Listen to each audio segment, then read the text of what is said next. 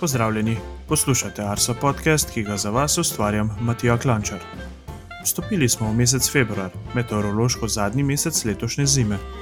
V sredi temi bomo tako aktualni in bomo govorili o snegu in snežnih plazovih. Naročite se na naš podcast, v stik z nami pa lahko stopite preko elektronskega naslova podcast.arsoafnago.com ali preko družbenih omrežij. Na Twitterju smo Meteosi, na Facebooku pa smo Arso Vreme. Vremenska uganka. Zadnja vremenska uganka je bila povezana s snegom, bolj natančno s posameznimi elementi, ki sestavljajo snežne padavine, snežinkami. Zanimalo me je, kakšne oblike so snežinke. Približno polovica vas je odgovorila pravilno, da so snežinke šestkotnih oblik. Verjamem, da po zimi v živo ali pa na slikah občudujete njihove različne oblike. Tudi tokrat bo vremenska uganka povezana z zimo in sicer s snežnimi plazovi, ki smo jim bili priča v preteklih tednih v posočju. Kakšne vrste snežni plazovi so bili tisti v posočju? Če boste dobro poslušali našega osrednjega gosta, vam odgovor ne bo delal težav. Odgovore napustite v komentarjih na Facebooku, na Twitterju ali pa nam jih pošljite po elektronskem naslovu podcast.arso.afnago.si. Osrednja tema. Danes bomo v srednji temi govorili o snegu, snežnih plazovih in snežnih padavinah. V svoji družbi pozdravljam sodelavca Gregorja Vrtačnika, klimatologa, Blaža Štera, prognostika in Mihata Pavška, geografa, ki prihaja iz Geografskega inštituta Antona Melika. Pozdravljeni. Pozdravljeni. Ker naši poslušalci Blaža in Gregorja poznajo malo bolje, je prvo vprašanje namenjeno Mihu. Miha, omenil sem, da si zaposlen na Geografskem inštitutu Antona Melika. S čim se ukvarjaš profesionalno? Ja, ta inštitut spada pod ZRC SAZU, Znanstveno-raziskovalni center Slovenske akademije znanosti in umetnosti. Sicer pa imamo pri nas nekje en del inštituta, ki se ukvarja z, bolj z fizično geografijo, drug pa z družbeno. No, in jaz sem nekako bolj aktiven v tem drugem, ki ima več oddelkov. Eden teh oddelkov, poleg oddelka za fizično geografijo, tudi oddelek za naravne nesreče ki so nekako v središču mojega zanimanja že precej časa, tukaj sem že skoraj četrt stoletja. Potem, seveda, del aktivnosti je povezan z rednimi opazovanji ledenikov, oziroma ostankov ledenikov, majhnih ledenikov, potriglov in skuto. Tukaj že rekel, desetletja odlično sodelujemo tudi s kolegi iz vaše agencije, oziroma predhodnice Hidrometeorološkega zavoda Slovenije. No, me je pa pravzaprav na to delovno mesto pr, so me pripeljali ravno snežni plazovi, saj sem iz te tematike leta 2000 napravil magistrsko nalogo. No, pa gremo najprej, mogoče malce bolj v teoretični del snežnih plazov. Uh, katere vrste teh snežnih plazov sploh poznamo? Ja, mogoče samo za to, kar je. Snežni plazovi so pač en normalen naravni pojav. Uh, v naravi pač narava skrbi za ravnotežje, in uh, snežni plazovi niso nič drugega kot nek proces uh, oziroma pojav snežne erozije, ki poskrbi za to, da pač nekje, kjer je preveč snega, se ta masna bilanca izravna. In pač posledica tega so tudi snežni plazovi. Kakšne vrste snežnih plazov poznamo? Je, pravzaprav imamo več teh razvrstitev.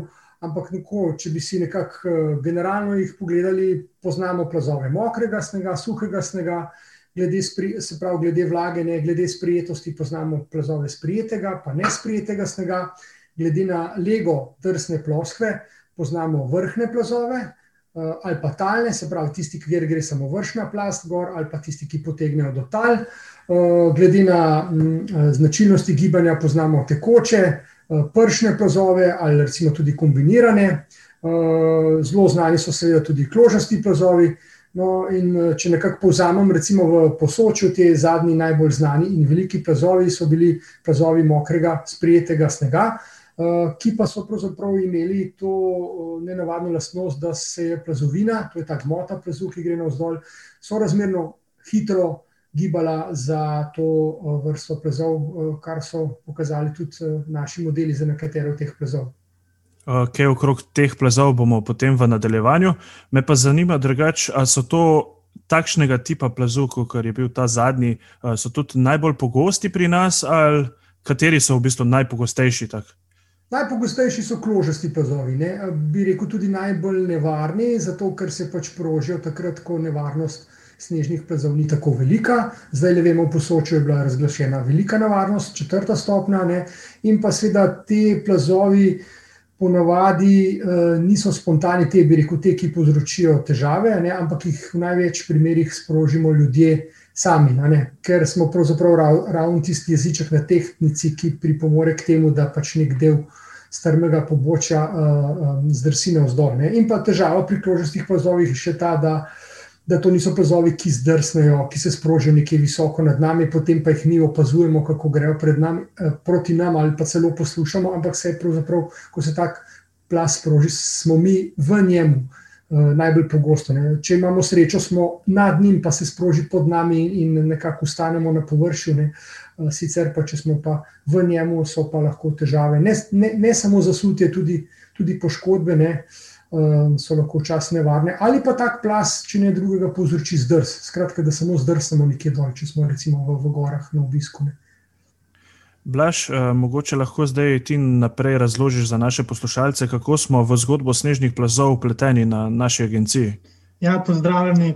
Ja, na naši agenciji eh, v bistvu sem del ekipe za službe za sneg in plazove. Eh, na naši agenciji predvsem napovedujemo na varnost proženja snežnih plazov in na to upozarjamo.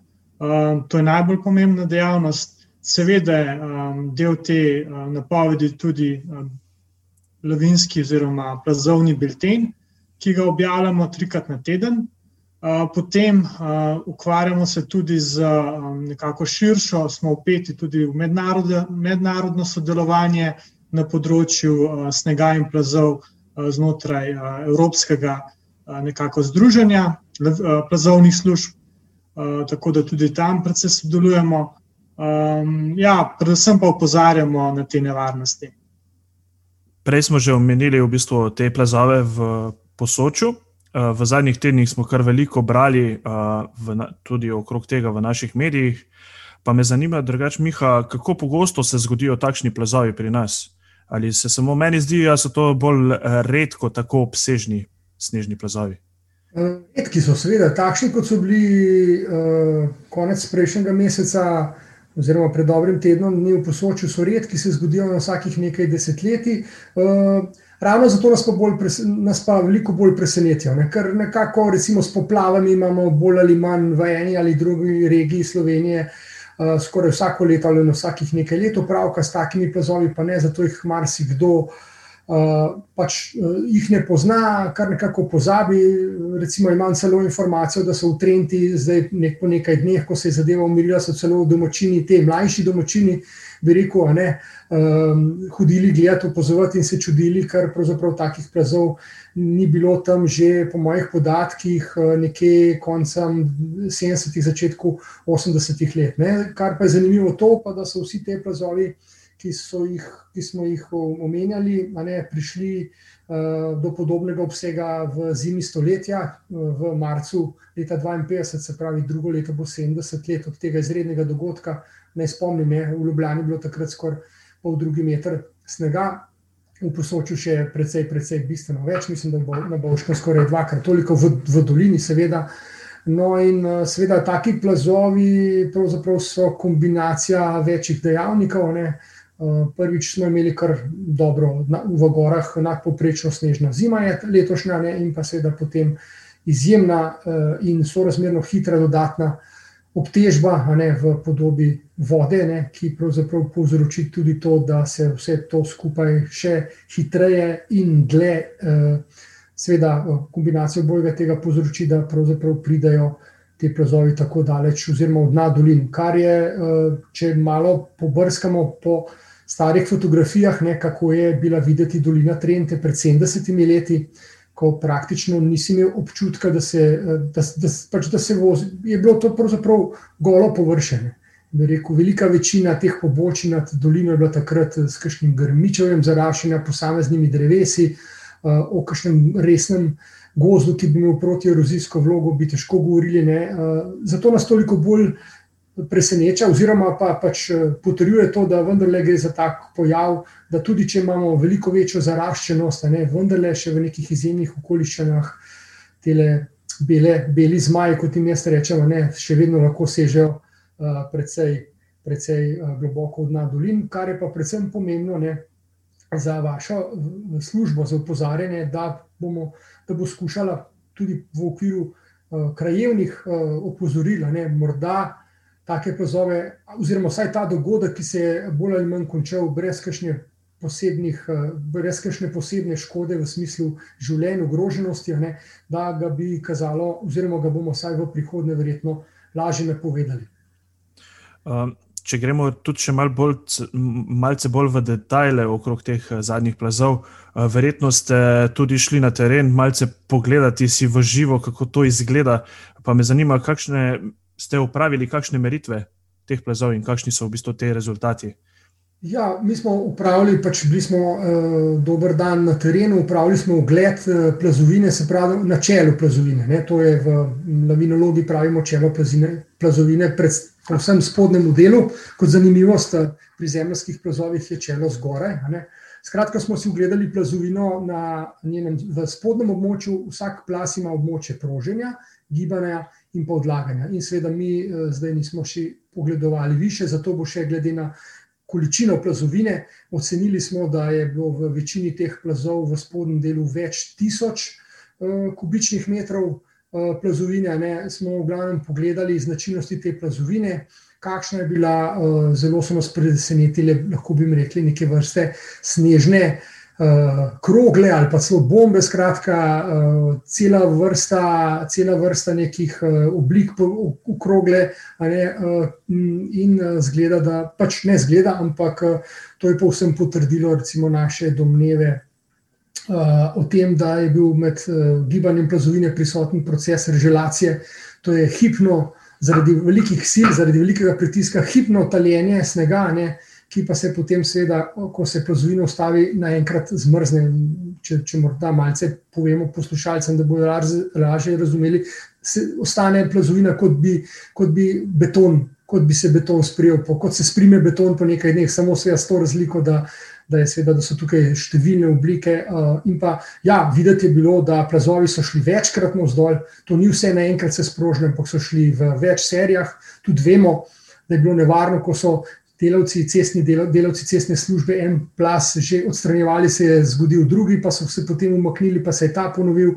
Pa verjetno tudi že predno so prišli, predno so prišli do dna dolin na ceste, ne so se verjetno že predtem večkrat sprožili, saj uh, pri takih plazovih je navada, da morda prvi plazovi uh, očistijo pot, ne potem pa pride, potem ko se je dež še nadaljeval, uh, vemo, da je državalo po podatkih, recimo, postaja, avtomatska samodejna postaja na vršiču, je bolj ali manj skozi beležila snežne padavine, pa vendarle, ne, če pogledamo, da je 120 mm, dvodnevna količina 120 mm dala, tri četrt metra snega, je pravzaprav vse iz tega vidi. Dobro, vemo, da se sneg seseda v mest, ampak vendarle je verjetno prehodno tudi na tej nadmorski višini. Vemo, da je postaja na vršiču visoko skoraj 1700 metrov. Tako da uh, tudi so ugledi eh, plazov v območju prožene pokazali, da je nekje tam do 1700 ali skoraj 1800 metrov nek, v nekem trenutku deževalo. V takih primerih, ko se sprožijo taki plazovi, uh, pravzaprav so plazovi tudi geološki dejavnik. V tej plazovini na čelu plazu smo opazili številne kamninske delce, vejevje, druge kose. Uh, Eh, kamnin, eh, vegetacija. Ne. To je ena stvar. No, in pa še en zanimiv pojav se je zgodil, eh, ne sicer v Trenti, pač pa no, tudi tam so deli te plazovine prišli v reko Sočo. Pri plazu nad Klužami pa imamo opravka s tako imenovanim plazom dvojčkom, saj pride v neki situaciji in zdaj se je to zgodilo, pride ta plazova z obeh strani, pri čemer oba dva lahko zasujeta reko Koritnico, no in to se je zdaj tudi zgodilo. Eh, sreča je pa ta, da ima Agencija za okolje ravno dol vodno opazovalno postajo in smo lahko uh, tudi prek meritev te opazovalnice opazili, da se je to zgodilo. No, k sreči pa vemo, da seveda voda, že zaradi same temperature, ki je nekaj stopinj nad ničlo, take zamaške, take snežne jazove so razmerno hitro predre, kajti v nasprotnem primeru bi lahko nastalo nad takim mestom tudi veliko večje jezero. Ne? Poznamo primere, ko plazovi oziroma ko grušč zajezi reke in predvsem jih poznamo recimo v Himalaji, pa nekje recimo v sibirskih delih Rusije in tako so se že taki zgodili. No, tokrat se je pa pri nas. Gregor, nam lahko mogoče za občutek poveš, kakšne so bile sploh te količine padavin, kot jih je Miha tudi že v bistvu načel to temo. Um, kakšne so bile te količine padavin v letošnji zimi? Ja, uh, snežna sezona, ki se običajno v visokovodju začne s septembrom in oktobrom, je bila precej zanimiva. Oktober postregel z dokaj svežim, padavinsko bogatim vremenom, tako da je že sredi, sredi oktobra marsikaj v visokovodju bilo več kot pol metra snega. Sledil pa je povsem drugačen november, je bil izredno topel, suh, zelo sončen, da se snežna odeja v visokovodju bolj kot ne stanjšala, marsikaj izginila. In na samem začetku decembra so bile snežne razmere neobičajno slabe za, za ta del leta. Že v nekaj dneh je pa potem zapadlo ogromno snega, uh, tudi kasneje decembra še močneje snežilo in v vsem mesecu v Julijskih Alpah padlo med 400 in 600 mm padavin, kar je približno dva pa pol ali celo trikrat več, kot je običajno za, za ta mesec. No in tudi naslednji mesec, se pravi januar, je bil uh, glede na dolgoletno poprečje podobno izstopajoč, ker pa je januar v splošnem nekoliko manj padavinsko bogat, je bilo pa teh padavin manj, večinoma med 200 in 400 mm, kar pa je vseeno izredno veliko. Tako da sta bila decembr in januar skupaj, uh, marsikje doslej najbolj uh, namočena, oziroma ste imeli največ padavin, odkar potekajo uh, obsežnejše meritve v meteorološki mreži, se pravi tam nekje od sredine 20. Eh, stoletja. No, in kar je, seveda, uh, ker je bilo, seveda, padavin toliko, ne preseneča, da je v visokovodju zapadlo ogromno snega. Uh, na Kredici skoraj vse čas od, od začetka decembra, no pa tudi že oktobra, snežilo in vsota novo zapadlega snega, to so seštevki dnevnih višin, je doslej dosegla, se pravi od septembra, ko je prvič snežilo, dosegla več kot 11 metrov, kar je normalno za celo zimo. Uh, običajno do konca januarja na Kriderci namerimo okrog 5 metrov novega snega, to pomeni, da smo letos imeli več kot dvakrat toliko snega, kot je običajno. In celo v tisti rekordni zimi 2000-2001, ko smo imeli aprila 7 metrov snega, je do konca januarja zapadlo samo dobrih 9 metrov novega snega. No, in seveda ob tej količini novega snega ne preseneča, da smo imeli januarja tudi rekordno debelo snežno odejo. 24. januarja zjutraj je bilo snega na Krederici 510 cm, običajno pa snega okrog 2 metra, se pravi tudi več kot dvakratnik uh, normalnih razmer. Uh, že nekaj 100 metrov nižje je bilo snega bistveno manj, zato ker je nekajkrat vmes tudi deževalo. Še bolj pa se ta razlika pozna, ko gremo pod nadmorsko višino 1500 metrov. Eh, če je še na Voglu decembru, novembra in decembra zapadlo okrog 4 eh, metre snega, pa je v alpskih dolinah na privetrni strani, se pravi na Bovškem, kjer je bila količina padavin podobna, eh, skupaj padlo niti en meter snega. Kljub temu, da je bilo padavin januarja in decembra skupaj okrog 1000 mm, se pravi en meter, če bi stalili v sneg in pa dodali še tisti dež. V Ratečah je bila najvišja snežna odeja v začetku januarja dosegla 155 cm. No, in eh, že ta podatek, da po februarju 2009 nismo imeli tam tako debele snežne odeje, pove, da so bile tudi ne samo v visokovorju, ampak tudi v nekaterih alpskih dolinah eh, razmere izjemne. Eh, bi pa k temu dodal še to, da pa v splošnem imamo v zadnjih 20-30 letih so razmerno redke zime v nižjih delih z obilico snega, medtem ko so bile včasih recimo takšne zime, kot je letošnja v, v Ratečah, Bovcu, Bohinju, eh, bolj pogoste. Vseeno pa niso bile običajne. Še eno dodatno vprašanje za te, uh, mogoče za občutek tudi za naše poslušalce, uh, kakšno je razmerje med količino padavin in pa debelino snežne vdeje. A velja pravilo, mogoče en milimeter padavin za en centimeter snega, ali je kaj drugače? V splošnem, pri novo zapadlem snegu, če ne gre za kakšne izredne uh, razmere, se pravi, da šlo za zelo puha sneg, ki pada pri temperaturi nekaj stopinj pod ničlo, ali pa da gre po drugi strani za zelo moker južen sneg, je to razmerje kar uh, dejansko kar uh, dobra, dobra osnova. Uh, običajno res gostota snega okrog 100 kg na kubični meter, tega novega, ki zapade. Seveda pa večjo, do večje gostote pridemo, če je uh, količina snega večja, ali pa če ima seveda večjo, vla, uh, večjo uh, uh, vsebnost vode v sebi, oziroma pada pri višji temperaturi zraka, k večji gostoti snega pa prispeva tudi močnejši veter. Ko pa se enkrat ta sneg nakopiči, ko se nakopiči skozi daljši čas, recimo na uh, najvišjih vrhovih naših Alp, se sneg običajno začne kopičiti oktober ali novembra in se potem kopiči vse do aprila, celo maja. No, in približno pol leta se ta sneg močno posede, in povprečna gostota lahko ob koncu meteorološke zime, oziroma um, še bolje v meteorološki pomladi, lahko preseže tudi 500 kg na kubični meter, kar pomeni, da je pa ta sneg po, po lastnostih in gostoti lahko že bliže uh, čistemu ledu, kot pa svežemu snegu. Tako Miha kot Gregor sta v našem pogovoru danes že omenila uh, snežno zimo, v bistvu zimo leta 51-52. Pa me zanima, drugače, uh, tudi v povezavi s to zgodovino, kateri so bili sploh največji snežni plazovi v zgodovini na našem prostoru največji plazovi, med največjimi plazovi pri nas so ravno te plazovi, ki smo jim bili zdaj priča, oziroma plazovi v posočju.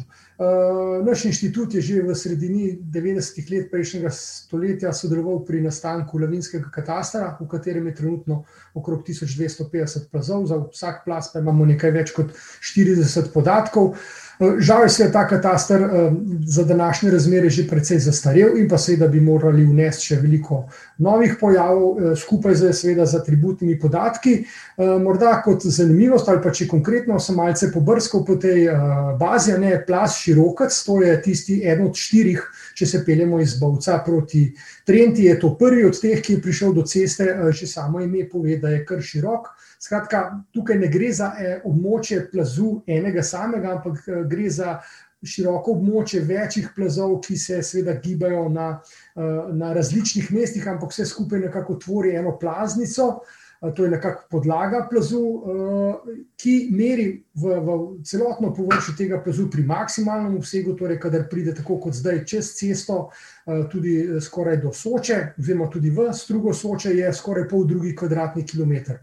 Eh, dolžina je pri pogostem obsegu, kadar plazovina ostane na, na pobočnih meliščih nekaj sto metrov nad dnom doline, je že v tem primeru dolžina plažu večja od 1000 od, uh, km in 200 metrov, maksimalni obseg je pa celo daljši od 2 km in pol. Eh, eh, pa še nekaj treba povedati, ne, eh, tukaj v dolini Soče, tudi v srednji Soški dolini, imamo izjemen višinski potencial, ne, skratka, energijo zaradi višinske razlike. Morda poslušalci niti ne vedo, ampak v tem delu ne, pri nas je največja višinska razlika med dnom doline in bližnjimi vrhovi, ravno v srednjem posočju, recimo med vasjo.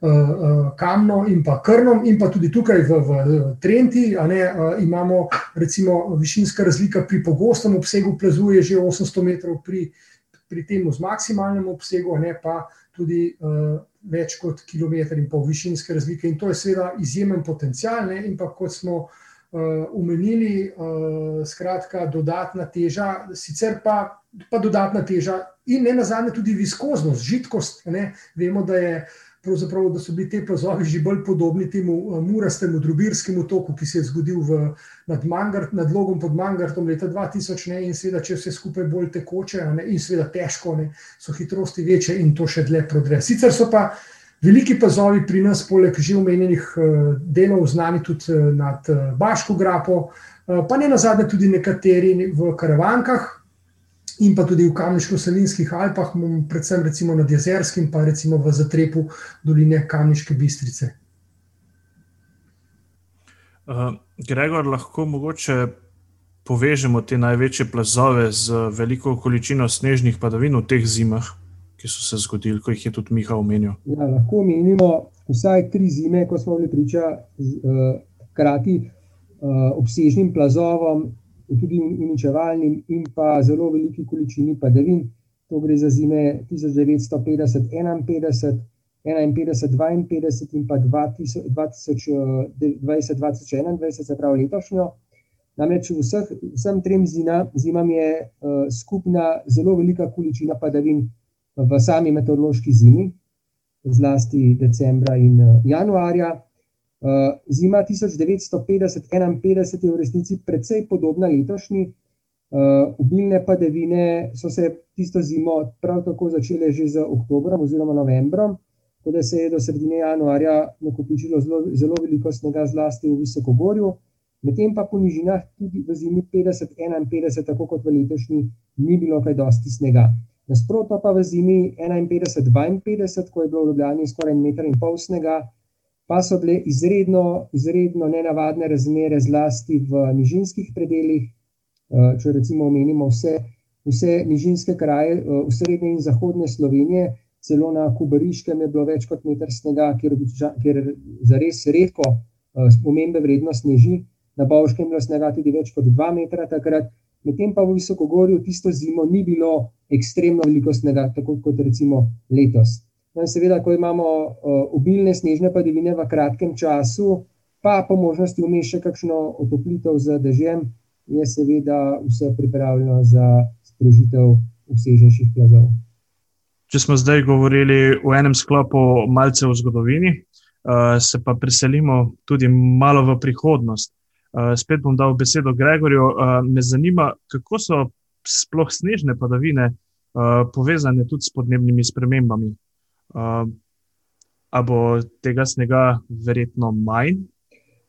Uh, meritve Agencije za okolje v zadnjih 60 oziroma 70 letih kažejo, da se je količina snega, tako novo zapadlega, kot debelina snežne odeje in trajne snežne odeje, da so se zlasti po nižinah precej, uh, precej zmanjšale te, te vrednosti, ponekod tudi za polovico. Se pravi, da so bile zime v 60-ih, 70-ih letih, marsikje povsem drugačne v nižinah, kot, kot so recimo v zadnjih 20 letih. Medtem pa v Visokogorju so spremembe precej manjše, to pa zaradi tega, ker se je Uh, kljub segrev, ker kljub segrevanju ozračja, pri nas približno za 2 stopinje v zadnjih 60, 60 letih, je večina padavin v Visokogorju tudi, tudi po zimi ostala v obliki snega. Zelo redko namreč po zimi dežuje nad 2000 metri. Medtem pa v nižinah se je pa ta delež snežnih padavin pa močno zmanjšal. Hkrati imamo tudi močnejše in pogostejše uh, obdobja taljenja uh, po zimi, tako da se tudi ta sneg, ki pade, pogosto sploh ne, ne kupiči, kot se recimo v zimah pred 60 leti. In tako imamo na eni strani ta upadajoč trend v nižinskem svetu, medtem pa v Visokogorju zaenkrat niti ni bilo kakšnih posebnih uh, sprememb. No, in takšen trend se bo verjetno nadaljeval tudi v naslednjih desetletjih, ne glede na podnebni scenarij, seveda pa bodo spremembe občutnejše, če bodo uh, izpusti toplogrednih plinov še vedno zelo, zelo uh, veliki. V najbolj recimo, neugodnih scenarijih bi lahko do konca stoletja večina zim v nižinah v notranjosti minila povsem brez snega ali pa s tako skromno količino, da niti ni omembe vredna, medtem pa bi se lahko začasno ponekod v Visokogorju, v tistih najvišjih delih, pa količina novega snega lahko celo za krajši čas povečala, seveda pa bi v nadaljni otoplitvi tudi v Visokogorju začelo, uh, začelo vse bolj se mešati med sneg in dež. Uh, hkrati pa bo zaradi tega, ker bo sta jesen in pa pomlad v Visokogorju toplejša, skrajšano obdobje snežne odeje in tudi največja skupna debelina snežne odeje se bo verjetno v Visokogorju zmanjševala. Samo da dopolnim še kolego Gregorja. Zima 2005-2006 je bila precej snežna, oziroma v smislu plazov, poleg Julijskih Alp, kjer so bili nekateri večji, predvsem v Karavankah, pa Kamniško-Slovenskih Alpah. Takrat je velik plazov prišlo v doline na območju Jezerskega, pa Kamniške bistrice in to imamo tudi uh, dokumentirano. Uh, sploh v letošnji zimi, recimo, tako lahko spremljamo malce. Uh kaj se dogaja v, z obiskom gora. Uh, se mi zdi drugače, da ljudje kar radi zahajajo ob lepem vremenu v gore. Uh, Blaž, lahko mogoče poveš, uh, na kaj vse morajo ljudje paziti, ko se po zimi, recimo, odpravijo v gore, ki so zasnežene. Ja, v gore, vsekakor je treba biti um, pripravljen, če se odpravimo. Tako da zagotovo moramo preveriti vremensko napoved. Uh, dobro je, da preverimo tudi, kakšne so snežne razmere, se pravi, preberemo plazovni bilten. Vseeno pa velja opazovati okolico. To je res pomembno, kajti že iz same okolice lahko razvemo, uh, kje je napihan sneg katera, katero pobočje je bolj nestabilno, katero manj. Tako da se mi zdi res pomembno, da opazujemo naravo, ko se odpravimo, seveda pa uh, moramo biti tudi pripravljeni, se pravi, imeti uh, izkušnje, potem tipično, seveda, plazovni trojček, se pravi, lavinsko žovno, lopato in sondo. Tako da, ja, to so te osnovne, osnovne priporočila, osnovna priporočila, seveda pa je dobro nekako izbrati primernce za naše izkušnje. Podatke, ki jih dobimo preko biltena, se pravi obveščanje in opozarjanje, skratka nadgraditi potem, ko pridemo nekam in se nekam odpravimo, rekel najprej z pogledom širše okolice in pa seveda vse čas, ko se gibamo v zasneženi pokrajini z opazovanjem bližnje okolice, tistega, kar se dogaja. Ampak seveda skupaj vse te tri informacije, se pravi na, na, globa, na širšem nivoju, na ožem in pa tik nad nami, vse to troje skupaj nam pravzaprav še da zagotovi neko bi rekel, neko varnost, ne pa seveda, da se tudi odpravljamo tja, kjer poznamo ali z nekom, ki pozna, če, če gremo prvič. Eh, seveda so pa letos razmere, razmere še, posebej, eh, še posebej nevarne, saj vemo, da je v višjih predeljih, na najvišjih vrhovih, več kot pa okrog pet metrov snega. Morda še tole. Bom kar že zdaj upozoril, če je prav, je še daleč do takrat, ne, letos bodo poleti snežišča, številna, dolgo bodo trajala in bo ogromna, velika nevarnost drsov. Skratka, snežišča, uh, snežišča bodo tam, kjer jih mogoče že desetletja nismo va, uh, vajeni, in to pomeni, da, bomo, da bo letos cepin. Tudi dereze, ne vemo, snežišča proti koncu poletja se spremenijo v leta, ne, zelo trd sneg, ne, star sneg. Uh, in skratka, bo treba na to upozoriti. Miha, za konec, eh, kakšne imate kaj ideje za raziskave na področju snežnih plazov? Jaz sem zelo vesel, da smo v projektu CrossRisk, v projektu eh, na mehanizmu Slovenija-Avstrija, skupaj partnerji tudi z Agencijo za okolje kjer ravno sodelujemo pri boljših napovedih glede izrednih padavin in pa dogodkov povezanih s snegom in snežno oddajo, kamor so, kjer so tudi lavinski plazovi. V tem projektu je sedem partnerjev, tri smo slovenski, poleg našega inštituta oziroma ZRC SAZU, pa vaše agencije tudi.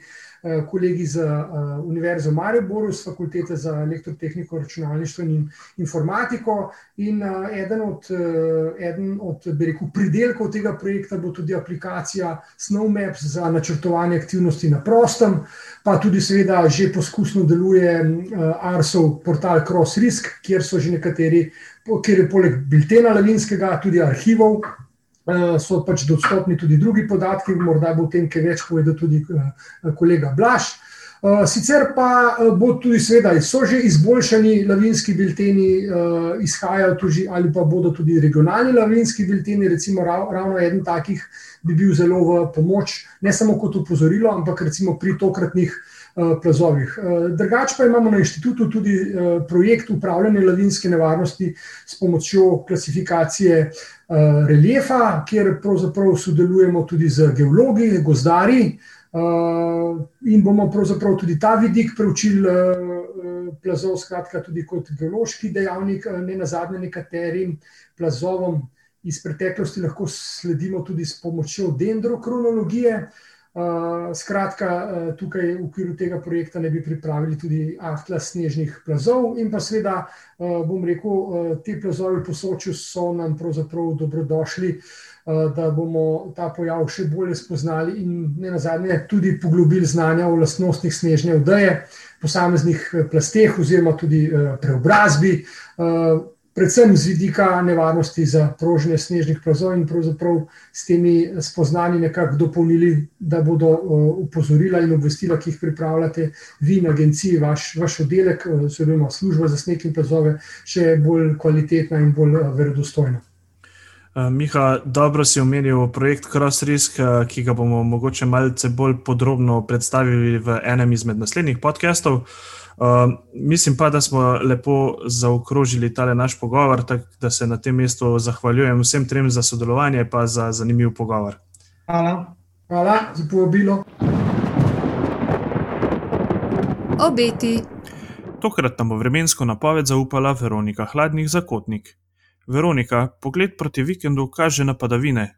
Kakšne oblike bodo? Za vikend bo po nižinah deževalo, dež pa bo zamenjal sneg tudi marsikje više. Meja sneženja se bo zaradi odjuge dvignila na okoli 2000 metrov nad morjem. Poglejmo še nekaj vremenskih podarkov iz začetka tedna.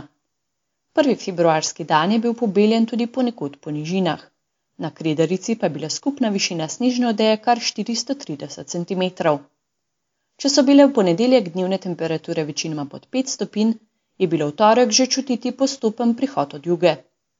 Tudi v notranjosti Slovenije se je namreč ogrelo do 10 stopinj Celzija. V noči na sredo je ponekod že začel pihati jugozahodni veter. Naši kraji so v teh dneh namreč pod vplivom obsežnega ciklonskega območja središčem nad severozahodno Evropo. V sredo se bo oblačnost od zahoda povečala predvsem na primorskem in notranskem bo občasno rahlo deževalo. Krepil se bo jugozahodni veter, ki bo najbolj izrazit v višjih legah in na severovzhodu države. Tam bodo sunki lahko presegli hitrost 70 km/h. Dnevne temperature bodo najviše na vzhodu, kjer bodo 13 stopinj Celzija. Podobno vreme bo tudi v četrtek in petek. Na vzhodu bo delno jasno, drugod pa pretežno oblačno. Občasno bo deževalo predvsem na notranjskem in primorskem. Še bo pihal jugozahodnik. V soboto se bo veter ponovno ukrepil, kot kaže, bomo ta dan merili tudi najviše dnevne temperature v tem tednu. Na vzhodu bo predvidoma med 15 in 18 stopinj. Tip vremena pa bo podoben. Nekaj jasnine bo na vzhodu, drugod bodo prevladovali oblaki. Predvsem v zahodni polovici države bo rahlo deževalo. Jugozahodnik bo v prihodnjih dneh prinesel više temperature tudi više lege. Višina ničte izoterme bo od četrtka naprej nad 2000 metri nad morjem. Nad 2000 metri pa bo tudi meja sneženja. Od juga bo vplivala tudi na vodnatost rek spoviri v predalpskem svetu in dinarskem hribovju. V četrtek se bo na tem območju vodnatost začela zmerno povečevati. Prihodnji dneh pričakujemo zaostritev snežnih razmer. Pod 2000 metri se bo nevarnost proženja plazov povečala predvsem se bodo pojavljali plazovi mokrega snega. Središče ciklonskega območja bo do nedelje nad Srednjo Evropo in Severnim sredozemljem. Verjetnost za padavine se bo povečala, prav tako bo padavin več kot dneh od srede do sobote. V začetku prihodnega tedna se bo ohladilo, meja sneženja se bo postopno spuščala. Vremenske zanimivosti. V tokratnih vremenskih zanimivostih si bomo ogledali obdobje od 18. do 31. januarja. Najvišjo temperaturo smo izmerili na postaji na letališču Portorož. 22. januarja je bilo 15,5 stopinje Celzija. Najnižja temperatura je bila tudi tokrat izmerjena na Notranskem. Novi vasi na blokah je bilo 27. januarja kar minus 17,7 stopinj Celzija. Najhitrejši sunek vetra smo izmerili na postaji Kredarica. 22. januarja je pihalo s hitrostjo 150 km/h. Največ padavin v enem dnevu smo izmerili 23. januarja, ko je na postaji Vogel padlo kar 184,9 mm padavin. Najbolj sončna postaja v preteklem 14-dnevnem obdobju je bila postaja Kanin, ki je zbrala 42 ur in 17 minut sonca. Največ sonca v enem dnevu pa je zbrala postaja Vedrijan, kjer je 26. januarja sonce sijalo 8 ur in 53 minut. Tako pa smo 54. epizodo z vremenskimi zanimivostmi pripeljali do konca. Hvala vam za vse odzive, kritike in poslušanja. Želim vam obilo lepega vremena in se slišimo čez 14 dni.